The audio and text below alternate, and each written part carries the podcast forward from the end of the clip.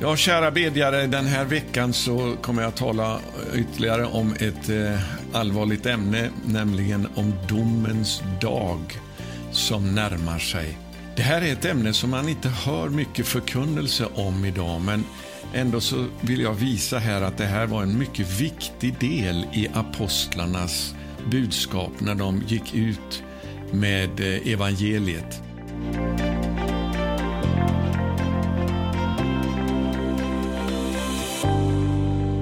Vi är så tacksamma till var och en av er som stöder vårt växande bönarbete ekonomiskt. Alla sätt att ge i de olika länderna hittar du på vår hemsida norden714.com. Glöm inte att prenumerera, ringa klockan och dela vidare. Vi vill nå ut till så många som möjligt.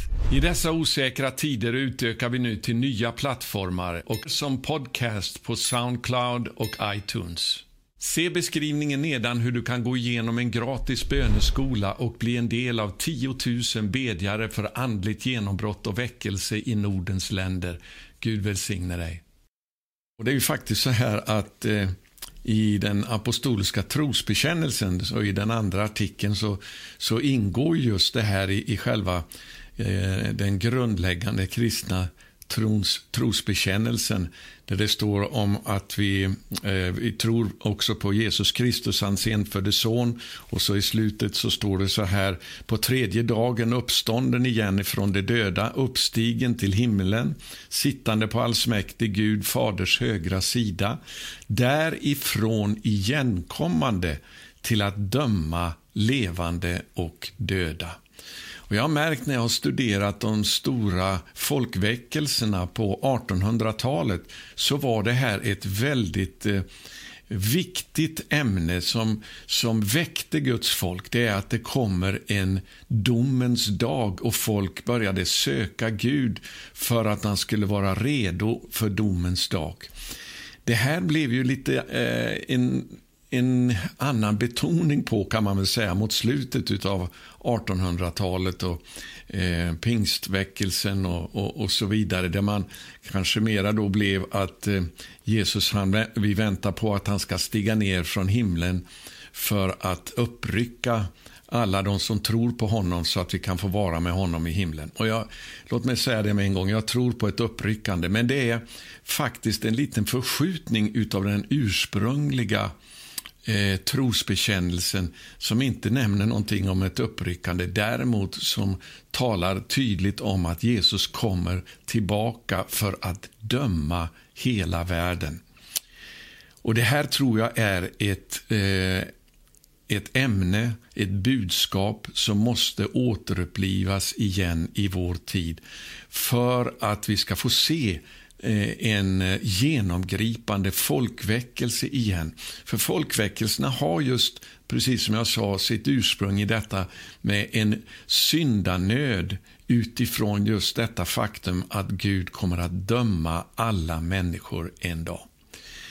Eh, vi ska läsa några texter ifrån Apostlagärningarna om det här. Och det första är från Apostlagärningarnas tionde kapitel där Petrus predikar evangeliet i Cornelis hus så mäktigt så att medan han talar så faller den helige ande över alla som lyssnar till honom. Och Jag vill att vi ska läsa de tre sista verserna just innan anden faller här i Apostlagärningarna 10, vers 40-42. Men Gud uppväckte honom på tredje dagen och lät honom visa sig, inte för allt folket, utan för de vittnen som Gud i förväg hade utvalt för oss som åt och drack tillsammans med honom sedan han hade uppstått ifrån de döda. Och så står det här nu i vers 42. Det här är så starkt. Och han befallde oss att predika för folket och vittna om att han är den som Gud har bestämt till domare över levande och döda. Och Därav följer då nästa vers här. Och om honom vittnar alla profeterna att var och en som tror på honom, det vill säga som förtröstar honom, får syndernas förlåtelse genom hans namn så att de blir, kunna bli frikända på denna dag av dom som kommer att komma över hela världen. Och Det, det här budskapet som ledde till då att anden föll över var och en utav dem som lyssnade till den här förkunnelsen. Den var alltså centrerad kring detta som står i vers 42 här att han befallde oss att predika för folket och vittna om att han är den som Gud har bestämt till domare över levande och döda.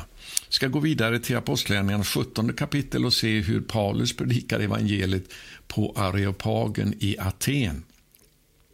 Jag tar dem, den avslutande delen av hans predikan, de två avslutande verserna. Gud har länge haft överseende med okunnighetens tider. Men nu befaller han människorna att de alla och överallt skall omvända sig. Varför? Jo, vers 31. Ty han har fastställt en dag då han ska döma världen med rättfärdighet genom den man som han har bestämt till det sedan han erbjudit tron åt alla genom att uppväcka honom från de döda. Så domens dag med de dödas uppståndelse och ett evigt liv, det är ämnen som hör samman. Och Det är så oerhört viktigt att vi kan komma tillbaka till den här apostoliska förkunnelsen igen i vår tid. För jag tror att den, precis som vi läser i Apostlagärningarna, så är det den här förkunnelsen som var eh, centrum, det var, det var den centrala kärnan i apostlarnas förkunnelse av evangeliet. Det kommer en domens dag då Gud ska ställa alla till svars inför eh, sin egen son som han har utsett till att bli en domare över levande och döda. Det är den här dagen som varenda människa på jordklotet måste förbereda sig för. Och Det budskapet behöver gå ut i den här sista tiden. Jag ska ta en text till här ifrån Apostlagärningarna. Det är det 24 kapitlet där det står om när, han, när Paulus samtalar med Felix. Det står ifrån vers 24 i Apostlagärningarna 24. Och han lät hämta Paulus och hörde honom tala om tron på Kristus Jesus. Felix var intresserad att höra vad den här tron handlade om. Men då står det i nästa vers, vers 25. Men då Paulus talade om rättfärdighet och självbehärskning och den, tom, förlåt, den kommande domen blev Felix förskräckt och sa Gå din väg för den här gången. När jag får tid ska jag kalla på det. Alltså han, han ryggade tillbaka inför det här. Okej, okay, det finns en som står över också mig som kung som kung Felix, som har makt och auktoritet. Det är någon som jag är skyldig att föra räkenskap inför för hela mitt liv. Det vill inte Felix lyssna på. Och Det här är en förkunnelse som, som skär väldigt skarpt. Den, den tvingar människor till avgörande. Vad ska man göra med detta? Det är inget snällt budskap som enbart handlar om Gud älskar dig. Eh, faktum är att det är ju så sant att Gud älskar varenda människa. Så älskade Gud världen att han utgav sin enfödde son på det att var och en som tror på honom ska inte förgås utan ha evigt liv. Men det är faktiskt så här att när du studerar hela apostlagärningarna och ser hur apostlarna predikar så nämner de inte en enda gång detta om att Gud älskar de som lyssnar till budskapet. Utan det handlar om att man ställer dem inför detta faktum. Ni behöver alla göra räkenskap inför Gud. Gud har fastställt en dag då han ska döma världen genom den som han har utsett till det. Och Den här dagen då han ska döma hela världen, den närmar sig nu eh, med hast. Och Därför så måste det här budskapet gå ut. Och Jag ska tala lite grann om det här, varför vi kan se ifrån Guds ord att Jesu återkomst och därmed domens dag för hela världen närmar sig. Jag tror att vi behöver komma tillbaka till det här fokuset, till den här betoningen på Jesu återkomst. Han kommer för att döma hela världen, att ställa hela världens alla invånare till svars inför honom, både levande och döda. Och Det är för att vi ska kunna stå inför honom eh, frälsta och rättfärdiga på den dagen som evangeliet eh, behöver gå ut för att vi ska kunna få syndernas förlåtelse. Vi ska läsa, jag ska börja med att läsa här ifrån eh, Andra Petrus brev, det tredje kapitlet. Och eh, Jag ska läsa ända ifrån vers 1 där i, och sedan en större del av kapitlet. Eh, det här är ett väldigt viktigt avsnitt. Petrus skriver så här. Detta är redan det andra brevet som jag skriver till er, mina älskade. I båda har jag genom mina påminnelser velat väcka ert rena sinne så att ni tänker på vad som har blivit förutsagt av de heliga profeterna och på budskapet från Herren och Frälsaren som ni hört era apostlar förkunna. Låt mig bara kommentera vers 2 här. Jag vill läsa det som en inledning till avsnittet här. För här talar alltså Petrus om att han vill påminna dem om att tänka på det som har blivit dels förutsagt av alla profeterna, det vill säga det som vi idag kallar för eller går under namnet Gamla testamentet. Eh, och sedan vad, vad apostlarna har förkunnat, budskapet från Herren som apostlarna har förkunnat, och det är ju det Nya testamentet. Låt mig bara säga det, vi behöver hela Bibeln när vi förkunnar evangeliet. Allt gäller från början till slut, från första Mosebokens första kapitel till Uppenbarelsebokens sista kapitel och sista vers. Det här eh, är allt sammans Guds ord och det är summan av Guds ord som är sanning. Vi behöver ta till oss hela eh, Bibeln. Eh, det har blivit mer, och det faktum är att i väckelsetider så är det ofta så att förkunnelsen ifrån det gamla testamentet det var ju den enda bibel som apostlarna kunde hänvisa till när de predikade evangeliet. Det var det som vi kallar för Gamla testamentet. Det är inte gammalt, förlegat och över. Det är evigt och det gäller idag. Jag vill bara säga det som en, en viktig, eh, ett viktigt påpekande när det gäller förkunnelsen av eh, evangeliet, att vi behöver tänka på det här. Och Sen så säger då eh, Petrus vidare här, han skriver Framförallt ska ni veta att i de sista dagarna kommer det människor som drivs av sina begär och som förtalar och hånar er och frågar Hur går det med löftet om hans återkomst?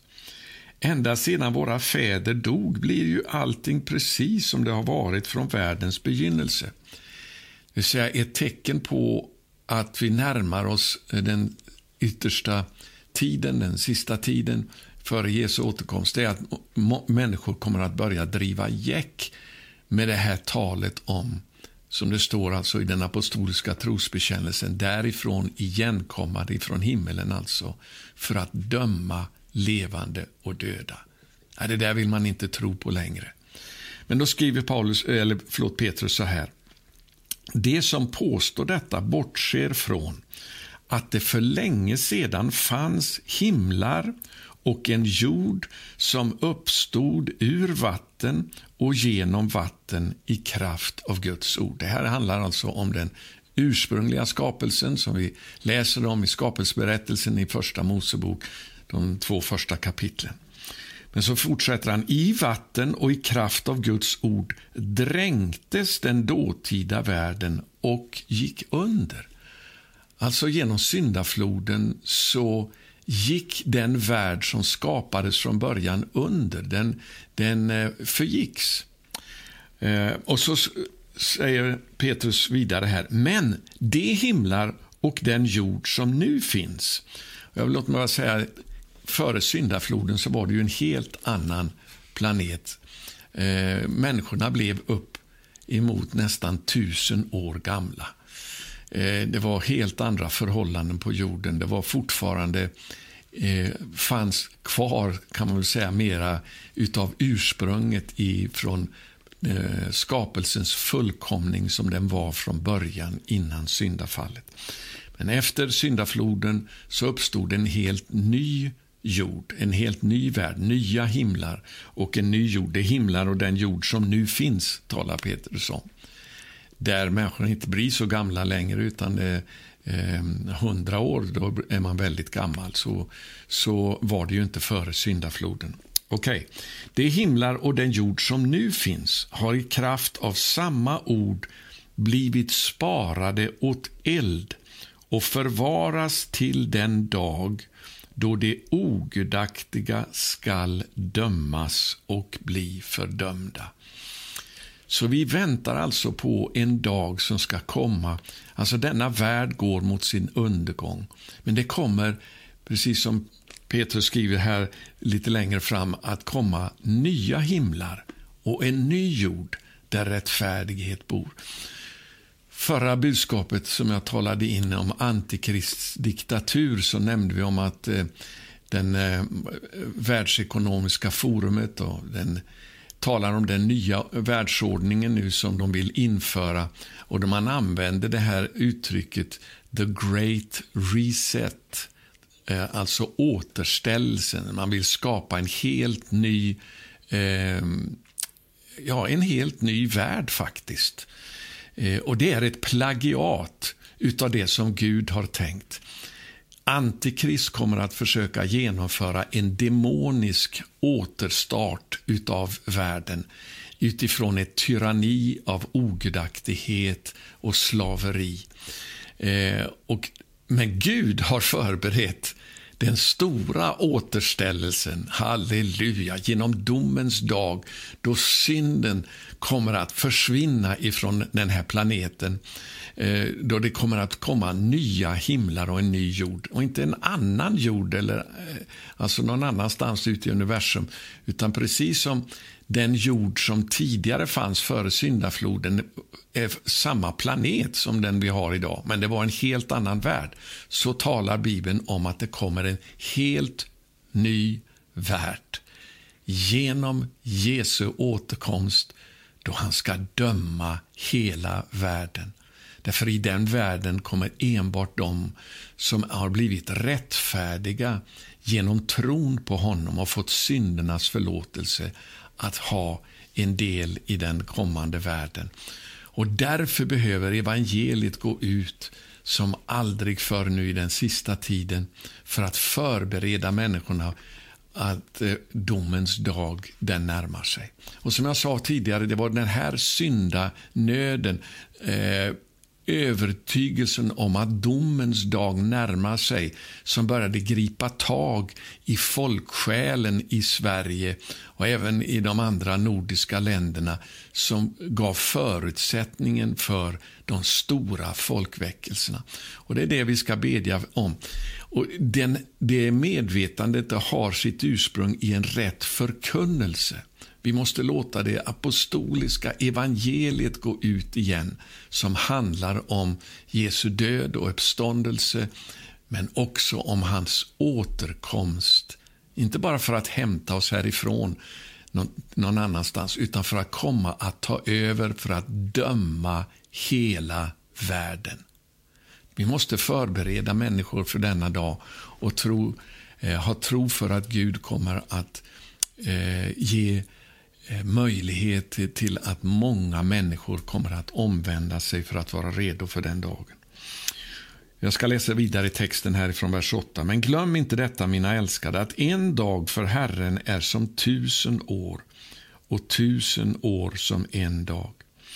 Herren dröjer inte med att uppfylla sitt löfte. Det är förresten ett väldigt intressant ämne, just det här med att i Bibeln räknas tusen år som en dag. Och Gud bestämde en vecka för jorden redan från skapelsens början. Det är 6000 år kommer att utgöras av människans tid som hon har fått att styra och regera. Och Sedan kommer Herrens dag med sabbaten. tusenårsriket, det fullkomliga fridsriket på jorden, kommer att etableras innan det blir eh, evighetstillståndet av fullkomlig eh, härlighet som kommer att återupprättas igen, precis som det var före syndafallet. Så står det här i vers 9. Herren dröjer inte med att uppfylla sitt löfte som en del menar. Nej, han har tålamod med er eftersom han inte vill att någon skall gå förlorad utan att alla ska få tid att omvända sig. Det är det som håller honom tillbaka. Det är att alla ska få möjlighet att omvända sig. Hur kan de göra det? Jo, genom att de hör evangeliet, budskapet om frälsning så att de kan säga ja eller nej till det budskapet. Och så fortsätter vi vers 10. Men Herrens dag, den kommer som en tjuv, som en fullständig överraskning för människor som inte tror på Gud, som har förhärdat sina hjärtan och slagit ifrån sig evangeliet och säger att det är bara dumheter. För dem så kommer det att komma precis som en tjuvs ankomst oannonserat eh, med, en, med ett eh, fruktansvärt fördärv.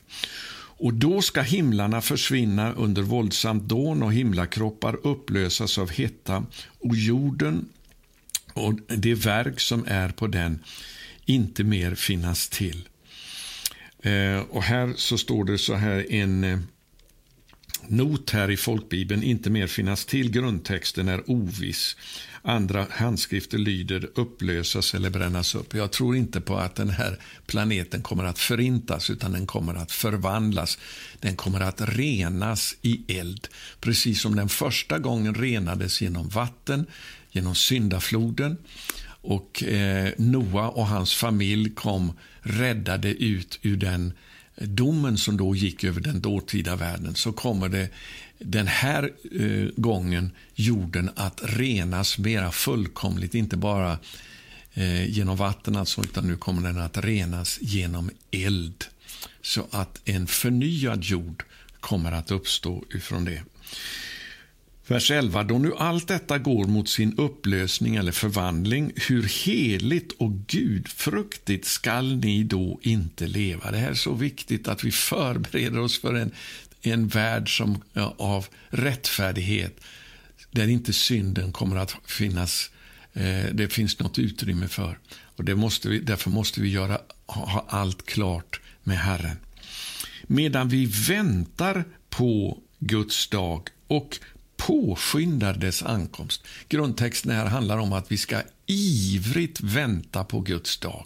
Och inte bara vänta på den, utan också påskynda dess ankomst. Och Det kan vi göra genom ordets förkunnelse, genom att evangeliet går ut till dess att Gud säger nu har alla fått möjligheten att säga ja eller nej. Eh, på ett rättvist sätt. Detta evangelium om riket ska bli predikas över hela världen till ett vittnesbörd för alla folk, står det, och sen skall änden komma. Och Vi måste påskynda den dagen och ivrigt längta efter den. Det är det apostoliska evangeliet, att eh, se fram emot Jesu återkomst för att återställa allt, för att döma synden och, så att eh, vi kan få se en rättfärdig jord. Och så står det så här i vers 13. Eh, med nya himlar, eller förnyade himlar och en förnyad jord där rättfärdighet bor, väntar på, eh, vi på efter hans löfte. Halleluja! Det är Guds stora gudomliga återställning.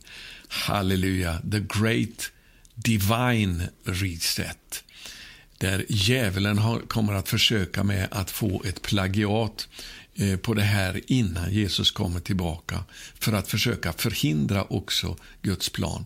Men Gud kommer inte att tillåta det. Men däremot så är det så här, det är en väldigt viktig princip att innan Gud kan döma världen slutligt så måste eh, ondskan ha nått en sådan eh, blivit så uppenbar så att Guds dom blir rättvis. Det här är en väldigt viktig princip. Jag vill ta en liknelse på det här. Det är som jag blev påmind om. Det var när jag och min fru Harriet kom till Israel för första gången i februari 1974. Det är alltså 48 år sedan just nu den här månaden i februari. Då kom vi till Israel första gången. Vi skulle vara med på en konferens här i Jerusalem. Eh, första världskongressen om den helige ande eh, som hölls här i det stora auditoriumet här i Jerusalem. Och vi eh, kom då på en resa på 14 dagar, så vi hade tid både före och efter konferensen. Och redan första morgonen när vi hade kommit till Jerusalem och, och eh, så gick vi ut på, på stan för att se på Jerusalem. Eh, och med en gång så blev vi, ehm, eh, ja, vi, vi, blev eh, antastade, jag vet inte om man ska säga rätt ord, av människor som ville sälja narkotika till oss. Det var nämligen väldigt mycket av droghandel som pågick på den tiden därför att PLO de finansierade sin terrorverksamhet med hjälp av eh, narkotikaförsäljning till turister på den tiden. Det var så. Och vi var inte beredda på det, så vi blev väldigt förvånade över att folk ville sälja narkotika till oss när vi kom in i Gamla stan i, i Jerusalem. Så eh, vi gick till polisen med det här och eh, förklarade för dem. Det här alltså upprepades faktiskt varje dag, flera dagar. Så vi gick till polisen och, och meddelade det här att eh, det, de säljer narkotika här så ni behöver se till att, att haffa dem. Ja, polisen de sa först till oss ja, ja, vi har kontroll på det. Ni är turister här, ni ska njuta av att få vara i Jerusalem. Släpp det här till oss, bekymra er inte om det. Men till slut så när vi eh, fortsatte att, att rapportera om den här narkotikaförsäljningen så, så frågade de oss, okej, okay, vill ni hjälpa oss då att försöka sätta fast de här narkotikahandlarna? Ja, det ville vi gärna hjälpa dem med att göra. Så då gjorde de upp en plan. De tog och eh, eh bad att få se våra Eh, pengar, våra kontanter. Vi hade dollarsedlar med oss. Och så skrev de upp exakta numren på de här dollarsedlarna vi hade. Och så sa de, nu ska ni gå tillbaka till samma ställe där ni har varit förut och där ni har blivit, eh, fått påhälsning av sådana som vill sälja narkotika. Och så eh, ska ni köpa narkotika utav dem och när ni ska ha på er era solglasögon och när ni har fått narkotikan, drogerna och de som säljer har fått pengarna. Då ska ni som ett tecken på det ta av er era solglasögon för då vet vi att det här har blivit genomfört och då kommer vi att arrestera dem. Varför nämner jag det här? Jo, därför att för att kunna sätta fast de här narkotikalangarna som de kände till att de opererade i Gamla stan så var de tvungna att eh, avslöja deras gärningar på ett sådant sätt att det kunde föras i bevis. Så jag kommer ihåg att när vi hade då eh, köpt den där narkotikan eh, vi använder ju den aldrig naturligtvis. Så, var det, så tog vi av våra solglasögon och så kom det en civilklädd polis fram till oss och ställde bara två frågor till oss. Har ni, narko, har ni knarket? Ja, svarade vi. Har de pengarna? Ja, svarade vi. Och direkt vi hade svarat ja så dröjde det bara ett par sekunder så hade de gripit de här människorna. Därför, varför kunde de gripa dem? Jo, därför att då hade de avslöjat sina gärningar. Och på samma sätt kommer Gud att döma djävulen och antikrist och ondskan i den sista tiden. Han kommer att tillåta dem att spela ut sina sista kort för att en rättvis dom ska drabba de här människorna. Jag ska läsa om det här i eh, Andra Thessalonikerbrevet. Det första kapitlet. Eh, jag ska läsa ifrån vers 3 där den här eh, principen ställs fram väldigt tydligt. Som visar också varför Gud har Eh, planerat att församlingen ska finnas kvar när Antikrist träder fram. Därför att det är just det som Antikrist kommer att göra mot de kristna, mot församlingen, som kommer att bli hans fall. Det här är korsets princip som man kan uttrycka så här. Vi kommer att vinna genom att förlora. Låt mig förklara. Alltså när Jesus dog på korset så var det ju mänskligt sett det största förlusten, det, det största nedlaget som man kunde tänka sig. Djävulen hade triumferat, han hade dödat Guds enfödde son. Men i själva verket var det precis tvärtom. Det betydde det slutliga nederlaget för djävulen därför att han hade begått detta brott, att tagit livet av en syndfri, oskyldig människa som aldrig hade gjort något ont. Han hade dödat oskyldigt blod. Och det blodet det vittnar emot djävulen att han är besegrad. Och På samma sätt kommer det att vara i den sista tiden. Det som Antikrist och hans antikristliga imperium kommer att göra sig skyldiga till mot de kristna i den sista tiden, det kommer att ge Gud anledning till att kunna döma honom och all den ondskan. I den sista tiden kommer det alltså bli en uppdelning mellan mörker och ljus, mellan rättfärdighet och orättfärdighet. Och Det är det här som Paulus talar om just i Andra Thessalonikerbrevet, den här principen. Vi ska eh, läsa här nu ifrån vers 3.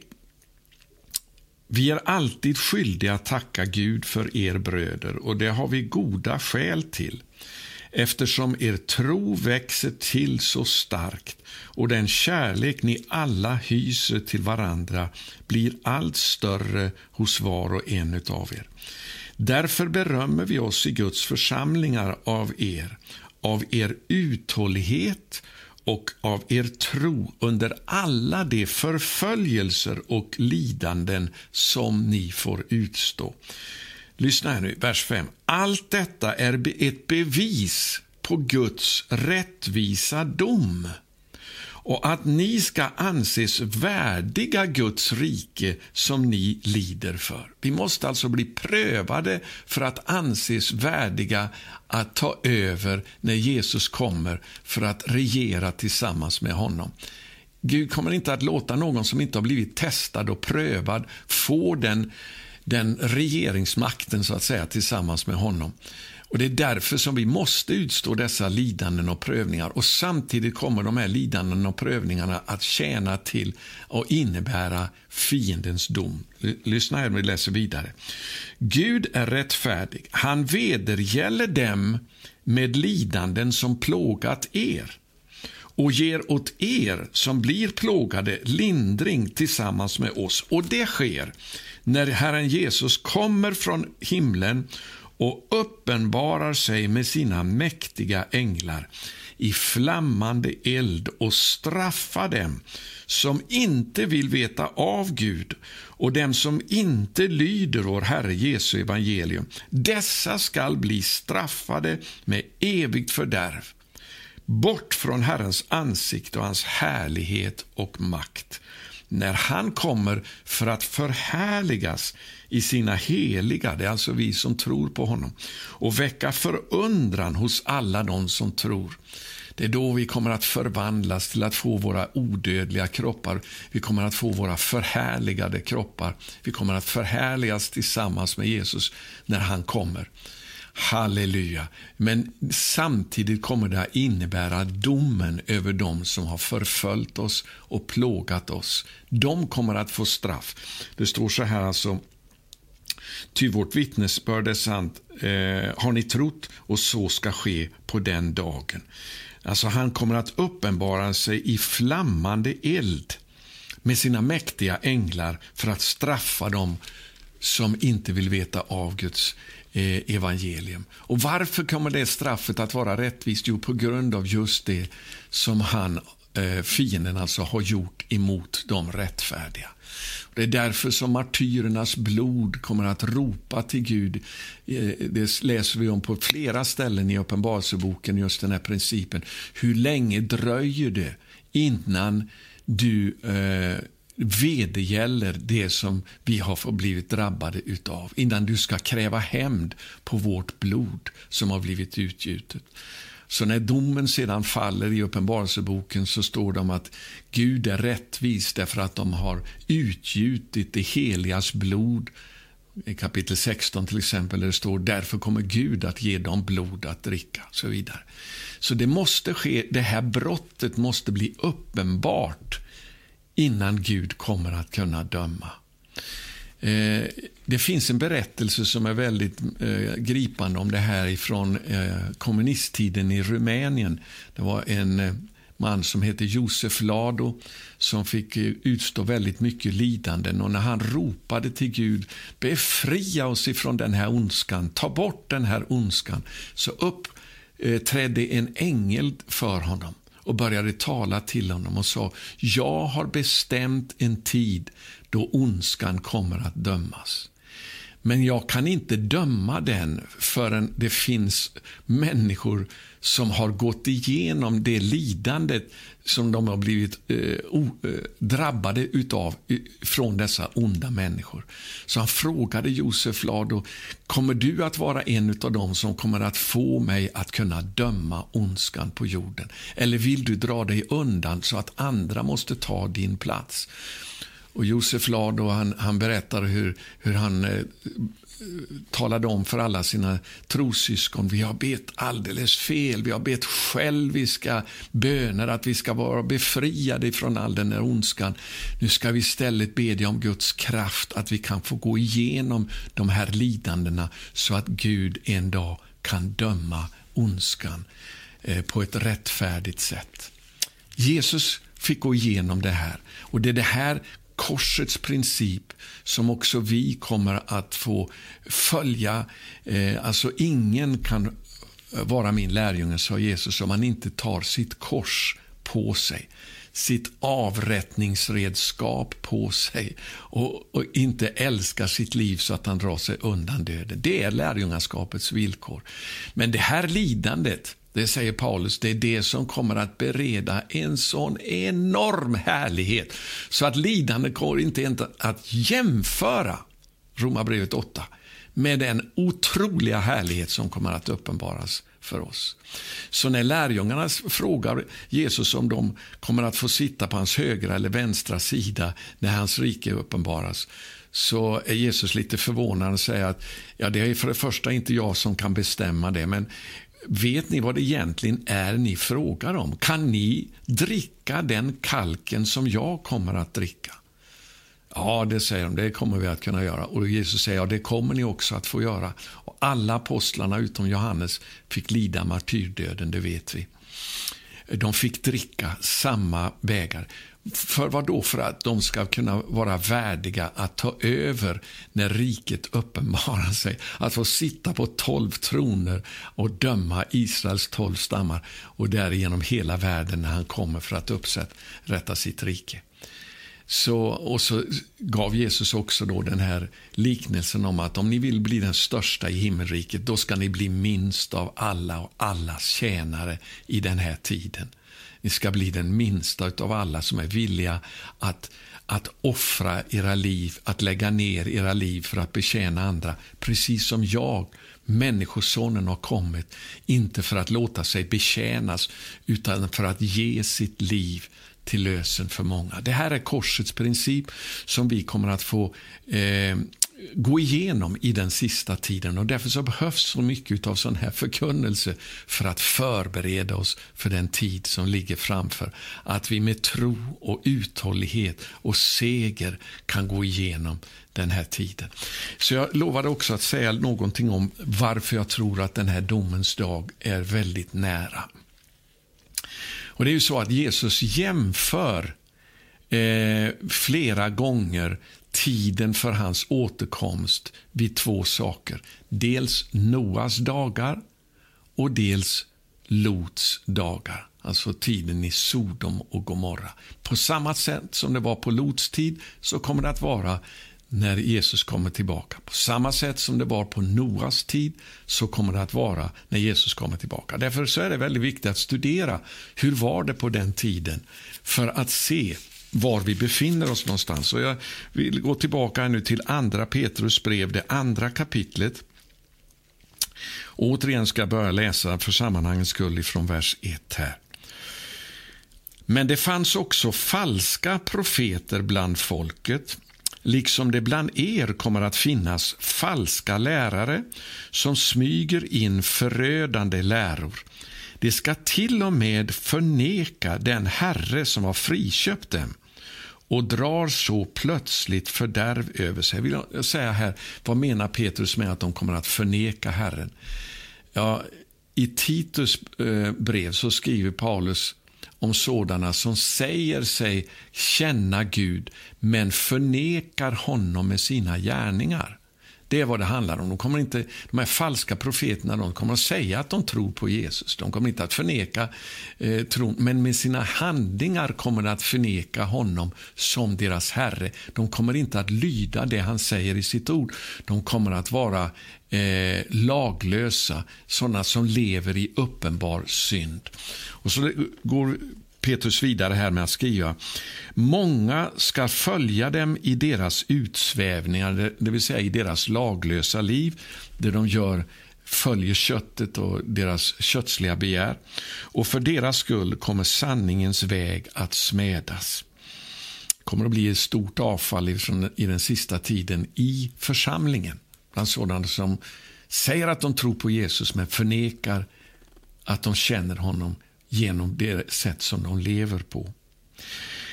Vers 3. I sin girighet kommer det att med falska argument sko sig på er, men domen över dem är sedan länge verksam och deras undergång sover inte.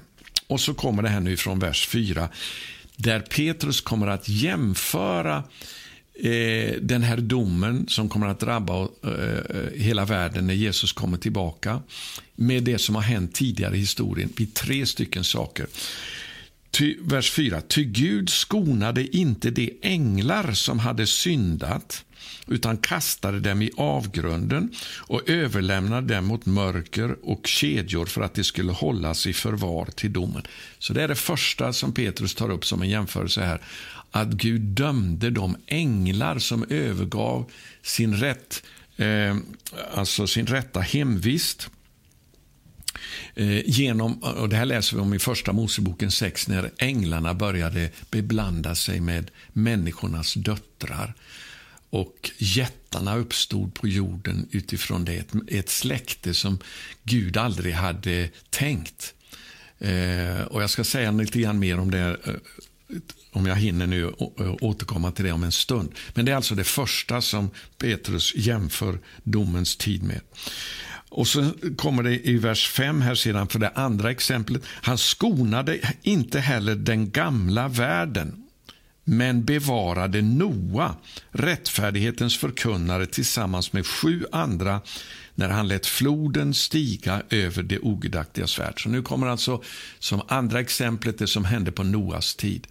Och Det här med änglarna som började beblanda sig med kvinnor, det inträffade ju ungefär samtidigt, så därför så är det ibland eh, sammankopplat till en och samma sak. Men Petrus delar upp det i två här. Först änglarna som handlade på ett eh, naturvidrigt sätt kan man säga. Eh, och sedan under Noas tid, vad som hände då. Och sedan är tredje exemplet då, vers 6. Städerna Sodom och Gomorra dömde han till undergång. Han lade dem i aska och gav så ett exempel på vad som skulle hända det ogudaktiga, eller vad som kommer att hända det ogudaktiga när Jesus kommer tillbaka. Men han frälste den rättfärdige Lot som plågades av de ogudaktigas utsvävande liv. Den rättfärdige mannen bodde nämligen ibland dem och dag efter dag plågades han i sin rättfärdiga själ av att se och höra det onda som de gjorde. Herren vet alltså att frälsa de gudfruktiga ur frestelserna. Han gjorde det både med Noa och med Lot. Men, eller och här då, att hålla det orättfärdiga i förvar och straffa dem fram till domens dag. Det är då straffet kommer alltså att eh, äga rum. Och så står det så här i vers 10. Speciellt eller särskilt dem som i orent begär följer sin kötsliga natur och föraktar Herren. Jag ska läsa här det som står i eh, 1917 års översättning i den svenska bibeln. eh, där det uttrycktes, uttrycktes lite mer tydligt. Dem som i oren begärelse står efter kötslig lust. Alltså det är speciellt det här som är eh, utmärkande för tiden eh, i Sodom och Gomorra och under Noas dagar och även änglarna som syndade när de gick in till människornas döttrar. Det var alltså att de stod i oren begärelse efter kötslig lust. Det här är någonting som karaktäriserar den tid som kommer att utlösa Guds dom. Vi ser det alltså på gång på gång i skriften. Både i Sodom och Gomorra, det samhället som fanns där då, då eh, den livsstilen av homosexualitet var så utbredd. Och på samma sätt kan vi läsa om detta i Första Mosebokens sjätte kapitel om Noas tid. Jag vill att vi ska gå till det här nu eh, och titta på det. Första Moseboken kapitel 6.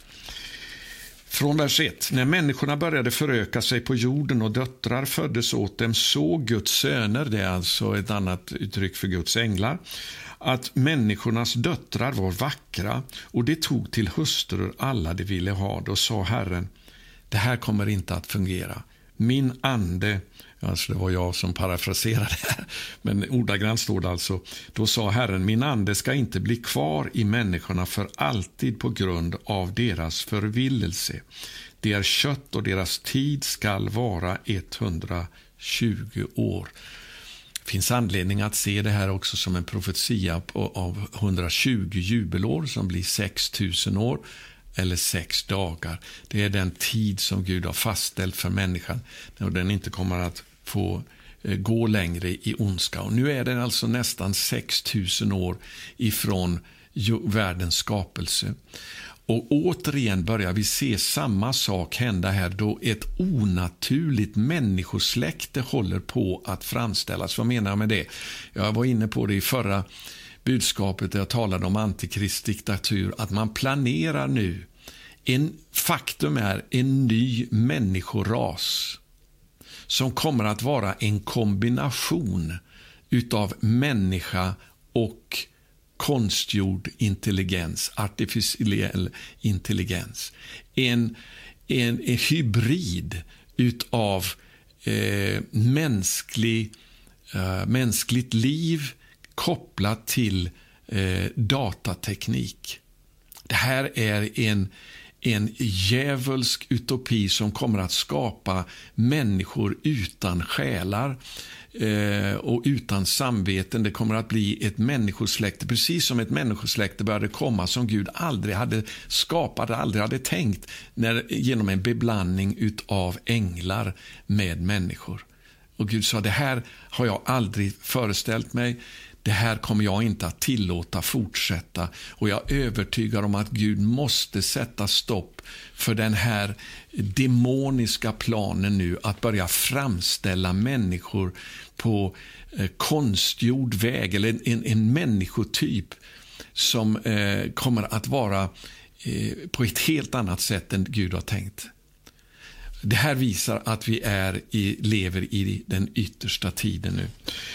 Um, och Sen så ska vi läsa vidare härifrån vers 4 där det står Vid denna tid då Guds söner gick in till människornas döttrar och dessa födde barn åt dem och även senare levde våldsverkarna på jorden. Detta var forntidens väldiga män som var så ryktbara, jättarna som fanns och som sedan blev förgudligade eh, i, i de här gudasagorna och så vidare. Det, det är alltså någonting som Gud var tvungen att döma. Och så läser vi vidare. Och Herren såg att människornas ondska var stor på jorden och att deras hjärtans alla tankar och avsikter ständigt var alltigenom onda. Då ångrade Herren att han hade gjort människorna på jorden och han var bedrövad i sitt hjärta. Herren sa, människorna som jag har skapat skall jag utrota från jordens yta. Ja, både människor och fyrfota djur, kräddjur och himlens fåglar, jag ångrar att ha gjort dem. Men så står det, men Noa fann nåd inför Herrens ögon. Jag ska hoppa ner till vers 11 här. Men jorden blev mer och mer fördärvad inför Gud och full av våld. Eh, och Det står att Gud såg på jorden att den var fördärvad. Och I folkbibeln står det här eftersom alla människor levde i fördärv på jorden. Jag ska läsa 1917 års översättning här som är tydligare där det står allt kött vandrade i fördärv på jorden. Det här handlar om alltså att eh, alla människor började handla på ett sånt sätt som Gud aldrig hade tänkt. Och Faktum är att eh, sedan Noas tid så har det aldrig funnits någon generation i hela människans historia. Eh, låt mig backa och säga det här. Homosexualitet och alla slag utav... eh, perversa identiteter som man nu försöker att, att eh, ta fram genom genusforskning och allt det här. Eh, LBTQ-rörelsen helt enkelt. Det är ett uttryck för samma sak. Det har förekommit genom hela mänsklighetens historia. Det är ingenting nytt. Homosexualitet och sån här typ av sexuell perversitet har alltid funnits. Men vår generation är den första sedan Noas tid då detta har blivit allmänt accepterat som någonting normalt och tillåtet. Det är nytt för den här generationen och det gör vår generation lik Noas tid. Allt kött vandrade i fördärv. Man började uppträda på, på ett sätt som var helt emot Guds skapelseordning och skapelsetanke. Och samma sak börjar vi nu att se igen. Och Det här är början till den, den generation som Gud kommer att bli tvungen att döma precis som han dömde Noas generation och som man även dömde Sodom och Gomorra som vandrade på det här sättet. Det, det blev någonting eh, som var allmänt accepterat. Vi ska komma ihåg det att i Sverige så sent som på 70-talet så ändrades lagstiftningen. Då före på 70-talet så ansågs homosexualitet vara en sjukdom. Det är bara historiska faktum. Så var det.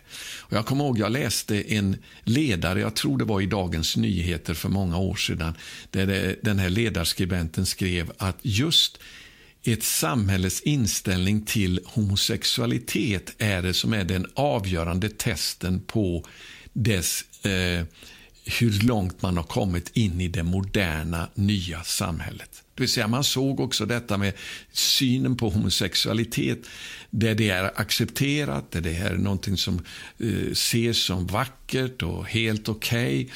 Det är någonting nytt för vår generation. Och det är någonting som Gud inte kommer att tillåta. Jag kommer ihåg, jag blev ju eh, fick ju min träning kan man säga under en eh, bönegeneralen och profetgestalten Kjell Sjöberg. Jag kommer ihåg när han sa under tiden för en förberedare för Sverige att när, om och när de homosexuella får vigselrätt i, i Sverige då tar vi steget över tröskeln in i det antikristliga samhället. Och där lever vi nu. Vi är, alltså nu, klick, nu tickar klockan på vägen emot den slutliga domen över mänskligheten. För Gud kommer, precis som han gjorde i Sodom och Gomorra och på Noas dagar, kommer inte tillåta ett sådant fördärv att fortsätta. Därför ondskan kommer att bli så fruktansvärt stor att framför allt för barnens skull, Gud kommer inte att tillåta den ondskan att få leva vidare. Därför så lever vi nu i på, i Noas dagar och i Lots, eh, Sodom och Gomorras dagar. Vi har gått in i det antikristliga samhället genom hbtq-rörelsen som nu framställs som, och genusforskningen som är ju en pervers eh, vetenskap som, som saknar vetenskaplig grund egentligen, att det skulle finnas mer än ett kön. Det, alltså det här ökar nu den här perversiteten. Eh, och Det är det här som eh, Petrus varnar för i Petrus brevs andra kapitel. Att Gud vet hur han ska rädda de rättfärdiga ifrån den här domen som kommer, men också att utgjuta domen över de ogudaktiga, framför allt de som i oren begär står efter kötslig lust, det vill säga vandrar i sexuell, uh, i sexuella utsvävningar utanför Guds skapelsetanke. För Gud skapade man, människan till man och kvinna och äktenskapet som eh, den plats där den sexuella gemenskapen hör hemma. Det är Guds plan och tanke. Och när människan våldför sig på denna grundläggande plan som Gud har för hela mänskligheten, då närmar sig domen.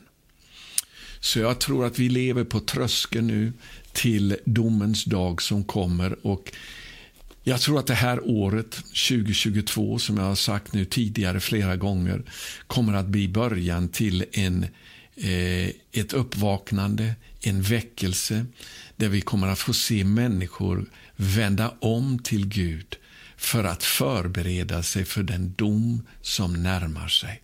Just den här förkunnelsen om domens dag, den slutliga domen, är det som har utgjort genom tiderna en, en, en bas, så att säga, för eh, ett sant väckelseverk där människor verkligen drabbas av syndanöd och man förstår jag måste göra upp med Gud för att inte bli dömd till en evig eh, evig förtappelse utan få syndernas förlåtelse och ett evigt liv. Så vänner, Gud vet hur han ska frälsa människor ut ur denna ondska men också hur han ska spara de ogudaktiga till domens dag. Det kommer att bli en uppdelning mellan rättfärdighet och orättfärdighet. Mellan en dom över det ogudaktiga och ett förhärligande utav de som har sina eh, synder förlåtna har blivit födda på nytt genom den helige Ande och fått sina namn skrivna i Livets bok. Så återigen så talar jag in det här budskapet nu för att vi ska få nöd för människors frälsning. Därför att domens dag närmar sig med hast. Jesu ankomst är väldigt nära. Det här driver man spe med, när man, man eh, bespottar. Det är bara ett tecken på att vi lever i den sista tiden. Och Det finns människor som kommer att omvända sig när de får höra ett sant apostoliskt evangelium om frälsning som ska gå ut i denna sista tid. Bönerörelsen vi har, Norden 714, det är för att vi ska få se den utlovade väckelsen i våra nordiska länder som ska sprida sig ner över Europa tillbaka till Jerusalem där det började en gång. Och nu lever vi i upprättelsen av detta apostoliska evangelium. Och du som är med i den här bönen eh, och bönerörelsen för att dagligen ropa till Gud Eh, du kommer att vara ett redskap som Herren vill använda. Och som jag sagt tidigare, nu ska vi börja be om att vi också blir själavinnare. Att varje bedjare också kan börja vinna människor genom att föra ut evangeliet budskap till människor runt omkring oss. Halleluja. Vi fick en sån mäktig bekräftelse av det här på vår senaste eh, Zoom-bönesamling. Genom en profet från Kamerun i eh, Afrika som har fått se hur väckelsens eld har börjat eh, eh, drabba Sverige, framför allt Simeon-gestalterna, de som är bedjare och längtar efter denna väckelse som Gud har lovat att komma. Och det, är de här bedjarna som kommer att ta emot den här väckelseelden. Och när de gör det så kommer det att sprida sig vidare därifrån. Så du och jag som är bedjare i den här bönerörelsen, det är vi som är de första kandidaterna till den här väckelsens eld som ska drabba våra nordiska länder i den sista tiden. Låt oss bedja tillsammans. Kära himmelske far, jag tackar dig för att vi får vara kallade av dig i denna sista tid med en helig kallelse, att du vill utrusta oss med din heliga Andes kraft på ett sätt som vi aldrig har sett tidigare. Vi tackar dig för att vi mitt i denna mörka tid så får vi gå in i en tid utav väckelse där många människor kommer att omvända sig till dig. Och Herre, jag ber att det apostoliska evangeliet med förkunnelse om den kommande domen vid Jesu ankomst. Att han kommer att stiga ner ifrån himmelen för att döma levande och döda. Att det ska ställa människor till ansvar, att många ska svara ja på den förkunnelsen när den går ut med kraft. Prisat vare ditt underbara namn. Jag tackar dig för varje bedjare i den här bönerörelsen som kan vara precis som Simeon-gestalter och Hanna-gestalter, de här bedjarna som fanns i templet när Jesus kom första gången och som kommer vara de första som kommer att drabbas av denna väckelse, denna, denna eld ifrån himlen som sedan ska sprida sig till många, många fler. Vi prisar och lovar dig för vad du gör. Tack för dina överraskningar detta år. I Jesu välsignade namn ber vi. Amen. Tack för att du är med och ber. Tack för att du är med och lyssnar. Eh, gå till vår hemsida norden714.com eh, för att anmäla dig till den här bönerörelsen, att bli en del av de här 10 000 bedjarna som vi har som målsättning att resa upp i de nordiska länderna som ber varje dag för väckelsens eld att komma över våra nordiska länder. Gå till vår hemsida norden714.com och anmäl dig till 10 000 bedjare. Gud välsigne dig. Vi är så tacksamma till var och en av er som stöder vårt växande bönarbete ekonomiskt. Alla sätt att ge i de olika länderna hittar du på vår hemsida norden714.com. Glöm inte att prenumerera, ringa klockan och dela vidare. Vi vill nå ut till så många som möjligt. I dessa osäkra tider utökar vi nu till nya plattformar och som podcast på Soundcloud och iTunes. Se beskrivningen nedan hur du kan gå igenom en gratis böneskola och bli en del av 10 000 bedjare för andligt genombrott och väckelse i Nordens länder. Gud välsigne dig.